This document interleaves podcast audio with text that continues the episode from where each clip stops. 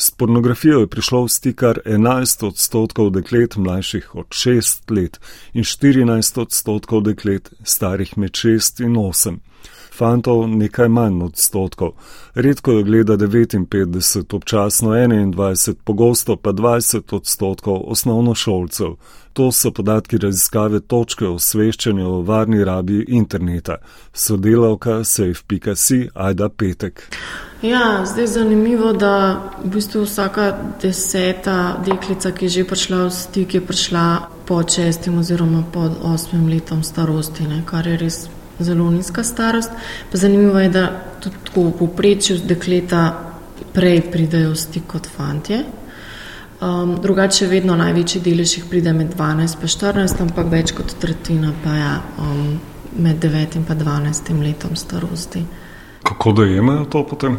Ja, tudi tle so spet po spolu razlike, medtem ko fantje imajo vse en bolj pozitiven pač to reakcijo in tudi potem kasneje odnos do pornografije, je pri dekletih več, recimo, da so bile zmedene, šokirane, da jim je bilo neprijetno, nerodno. Nasplošno pa je, ne glede na spol, najbolj pogost odgovor, da so bili radovedni. Ne? Tudi učijo se spolnosti na tak način, glede na rezultate vaše raziskave. Ja, nekako petina ja, jih je povedala, da uporabljajo spletno pornografijo za učenje o spolnosti, oziroma da tam pridobijo koristne informacije in vidijo, kako izgleda človeška spolnost. Vidijo tudi nerealne pričakovanja. Ja, tako ne, seveda. Um, pornografija, ki jo najdejo na spletu, vsebuje zelo veliko nasilja. Mislim, da so po neki raziskavi okrog 80 odstotkov teh popularnih, hitro dostopnih vsebin vsebuje nasilje. Ne. Potem je zelo veliko tega seksizma oziroma podrejenosti žensk, nadvlade moškega, v spredju je predvsem moški užitek ženski v zadju, recimo ni prikazano pridobivanje soglasja, ki je izredno pomembno ne, pred spolnim odnosom ali pa kakršnimi koli spolnimi stiki. V glavnem je prikazana tudi nezaščitena spolnost, tako da je ja, kar velik problematičnih sporočil.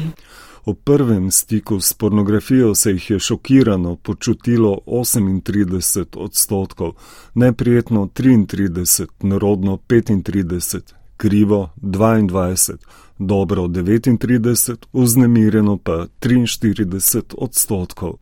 Dekleta se v prvem stiku s pornografijo na spletu počutijo slabše kot fantje. Ja, mislim, da vznemirjeno, da se počutijo vznemirjeno, tako smo mi formulirali, je bil drugi najpogostejši odgovor. Zdaj ob prvem stiku nismo pa imeli tako kot Britanci, mogoče bi bilo to zanimivo za kakšno prihodnost prihodno raziskavo. Torej, kaj v prvem stiku čutiš, kaj pa potem, ko že več časa gledaš o, te vsebine. V Britaniji, kjer so imeli to primerjavanje, v prvem stiku je bil začeten odziv neko šokiranost, sicer tudi radovednost, mislim, da je bila isto kot pri slovenskih najstnikih najbolj pogosta, ampak ja, tudi ne vem, zmedenost, um, grozne rekla, jak se pravi kot nek odpor, gnus. Potem se je pa to pretočilo v bistvu v vzburjenost, potem, ko več časa spremljaš te vsebine. Ne? Kako to potem odpira prostor spolnim predatorjem na spletu in dela otroke bolj renljive? Ja, zdaj že sami spolni predatori uporabljajo pornografijo, zato da v bistvu napeljujejo otroke k spolnosti, da je to nekaj normalnega, da to vsi počnejo, um, da v bistvu zmanjšujejo ta nek odpor ali pa da jih na nek način pod narekovaji izobražujejo o spolnosti. Ne. Tako da seksualizira na nek način že zelo mehne, ne, mlade, um, lahko rečemo otroke. Ne. Tako da, sigurno je to neka voda na mlin tudi spolnim predatorjem. Otroci postanejo s pornografijo tudi bolj dojemljivi do ekstremnih vsebin. Ja, to je tudi ena od neželenih posledic, da v bistvu um, v prvem stiku občutiš nek ne vem, um, šok, neko nenavadnost, neke intenzivne občutke, in potem jih v bistvu iščeš te občutke um, v vse bolj ekstremnih oblikah. In zanimivo je, da je petina srednje šolk rekla, da potrebuje prikaz vse bolj ekstremnih oblik spolnosti, da se zadovolji, medtem ko pri pri fantih je bila pa samo desetina. Ne. Opažamo tudi v raziskavah, da je premalo pogovora, tako v šoli kot doma. Um, doma se, recimo, v spletni pornografiji samo okrog desetina um, otrok je že pogovarjala starši. Um, pa čeprav sami pravijo, da se ne bi radi o tem pogovarjali, vidimo iz rezultatov, da je vse en pogovor potreben. Tako da da naj ne ostaja to tabu tema. Ne? Tako da doma se je treba pogovarjati in o spletni pornografiji, in o odnosih, intimnosti, um, kot tudi v šoli. Pogovarjati pa se je treba tudi o računalniških igrah in tveganjih, ki jih lahko prinesejo. Celo računalniške igre, ki se zdijo ne nevarne, kot je naprimer Minecraft, lahko odpirajo prostor zlorabam. Rok Gumze iz Centra pomoči pri prekomerni rabi interneta Logout. In um, zato je tako pomembno, da v bistvu mi razumemo, na kak način igramo Minecraft. Ne? Minecraft lahko igramo torej brez povezave na spletu in je odlična igra, kreativno, dogodivščina ustvarjam. Kadar pa se povežem potem na splet, se pa povežem tudi z. Sej ne vedno, veliko krat je to torej prijateljska družba, imajo neki svoj prostor, ker oni skupaj gradijo, ampak se podpre s tem tudi potem možnost ja, v neke druge svetove, v neke druge stike, ki pa lahko imajo zadaj kakšne svoje motivacije. Ne. Če starši, na primer, slišijo, da so to otroški glasovi, je to dovolj garancije, da je varno? Danes žal več ne. Danes obstajajo tudi programi, ki lahko torej naš glas spremenijo, ki lahko klonirajo oziroma preslepijo nas, da je na drugi strani tudi oseba drugega spola, da je na drugi strani celo oseba, ki jo poznamo. Torej, če jaz dobim danes dovolj velik vzorec glasu ene, neke druge osebe, lahko iz tega torej, že s pomočjo določenih programov kloniram glas neke druge osebe, ki bi jaz torej, jo poznal. Tako da previdno in najboljše je torej vedno, da je stik otrok na spletu z stiki, katerih ljudi poznajo vse prijateljev, otrok drugih v resničnem življenju. In potem, ko je ta stik vzpostavljen, potem se odprejo vrata za potencijalno zlorabo. Lahko.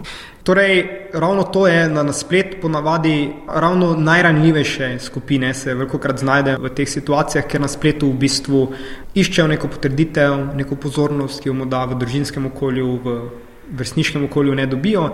In tam potem lahko osebe na spletu to tudi izkoristijo v svoj prid. Torej, prihajam z nekim v narekovajih dobro namerni, prijaznostjo. Torej, začne se graditi nek odnos z to neznano osebo, ki ne pravim, da je vedno rizičen, pa ne pravim, da je vedno zdaj slab, škodljiv, ampak je pa dobro to še posebej pri otrocih do 14 let, še posebej.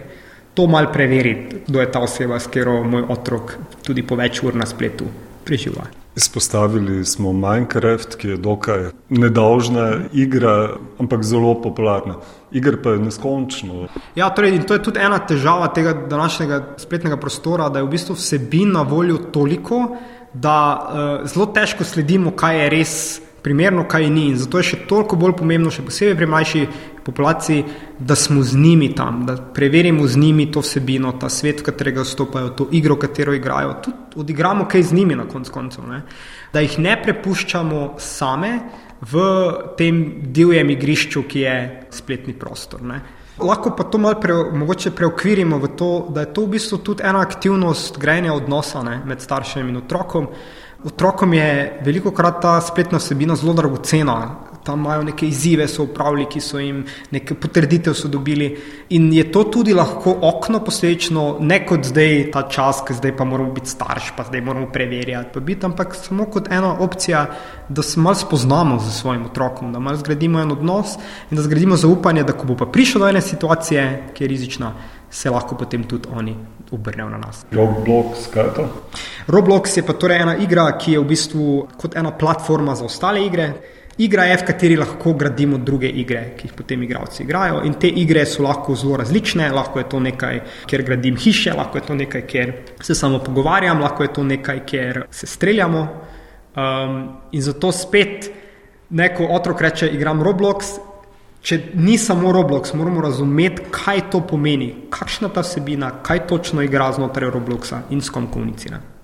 Lahko pride do tega, kar je imel Roblox tudi malo težave, da so prišle tudi kakšne torej, spolne vsebine v to, torej, da so se v bistvu v, znotraj igre so igravci naredili neke igralne načine, ki so omogočali, da se igravci slečejo, torej, da je v bistvu avatar v igri Go in se potem pride tudi lahko do kakšnih torej, nekih um, ponazoritev nekih spolnih prizorov. Ne.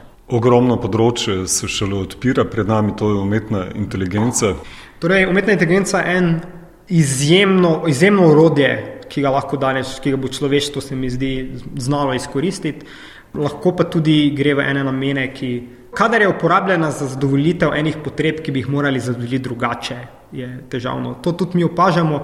Uh, imamo primere na logoutu, ker v bistvu osebe um, torej z temi pogovornimi roboti umetne inteligence uh, spostavijo tako močen stik že, da v bistvu jim človeška interakcija se jim zdi nekako nepotrebno. Ne. Uh, tam dobijo potrditev, tam dobijo ta zanimanje, ne. nekdo je tam neki torej, robot oziroma v nerekvajih oseba, ki te me vpraša, kak je moj dan, ki mi poda neko potrditev, ki me pohvali, uh, ki mi pošlje tudi kakšno sliko. In imamo primere, kjer v bistvu osebe že imajo potem torej kot en pravo razmerje s tem pogovornim robotom. In za te osebe je zelo težko potem v bistvu postavljati en stik, pa neki človeški stik z, z ne robotskimi sogovorniki. Ne. In zelo težko tudi se ločijo potem od teh robotskih sogovornikov, ne, ker so se navezali na njih, ker z njimi so v bistvu kreirali en dejanski odnos ne, v njihovem pogledu. Ali to odpira možnosti za zlorabe, nove zlorabe? Um, jaz bi bolj rekel, da kar kjer mogoče vidim tu nevarnost, je, da lahko je uporabljeno kot orodje, ki poveča možnost enim, um, da lahko dosežejo več ljudi naenkrat. Torej, jaz lahko programiram enega pogovorni robot, ki bo znotraj igre v bistvu prav iskal neke osebe, ki so ranljive, jih nagovarjal in potem bo meni javljal, kdo je tu potencijalna žrtev, ki jaz lahko torej, izkoristim. Ne. O tveganjih, ki prežijo na spletu, pa naj to v obliki pornografije, iger, umetne inteligence, se je torej treba nujno pogovarjati, pa ne z robotom, ampak človekom.